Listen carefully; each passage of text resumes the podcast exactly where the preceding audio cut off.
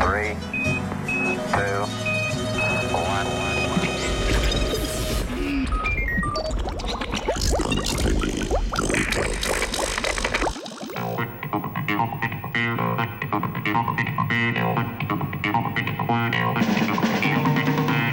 Pri repu ujeta molekula.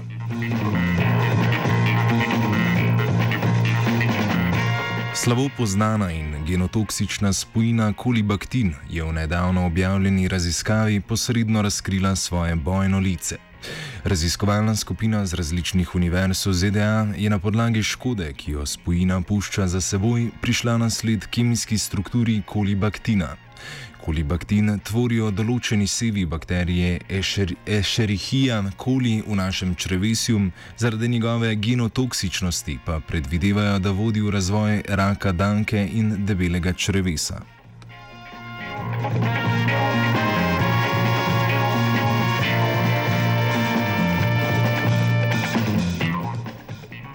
Vzrokov za nastanek raka, danke in debelega črevesa je mnogo.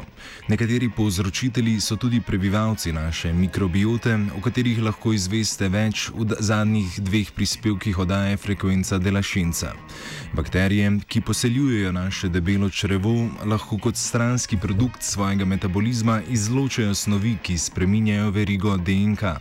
Če se zgodi specifično zaporedje mutacij, lahko takšna celica postane prvo seme za razvoj raka.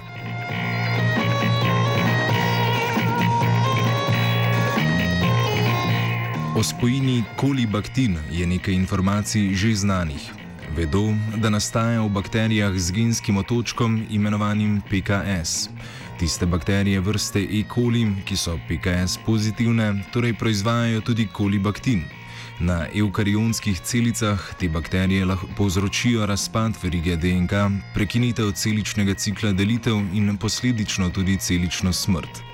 Izolacija kolibaktina je bila v dosedanjih poskusih neuspešna, zato so se v raziskovalni skupini odločili, da ga poiščejo na drugi strani. Pogledali so sledi, ki jih spojina za seboj pušča na DNK.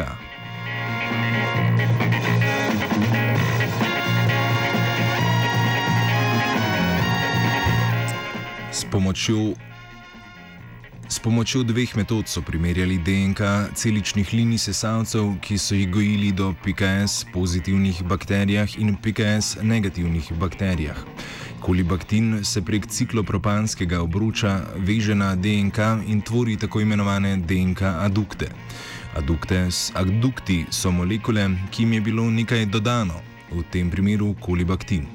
Ti veliki adukti pa predstavljajo oviro za prepisovanje genov, če niso pravočasno popravljeni. Ob številnih zaporednih vezavah se slejko prej zgodi, da popravljalni mehanizem popusti in vodi v nastanek začetne rakave celice.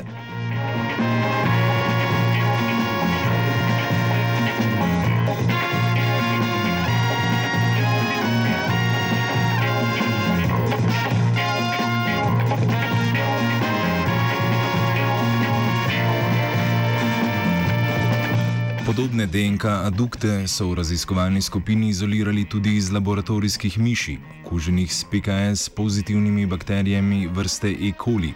Enake adukte pa so našli tudi pri gojenih človeških celičnih linijah. Natančnega mehanizma delovanja kolibaktina še ne poznamo, vendar v raziskovalni skupini predlagajo drugo pot.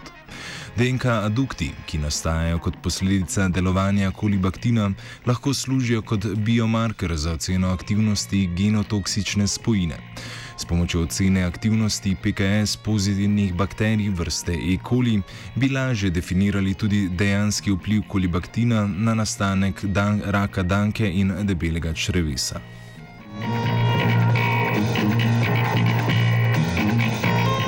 Gensko škodo je ocenjevala Urša. Three, two,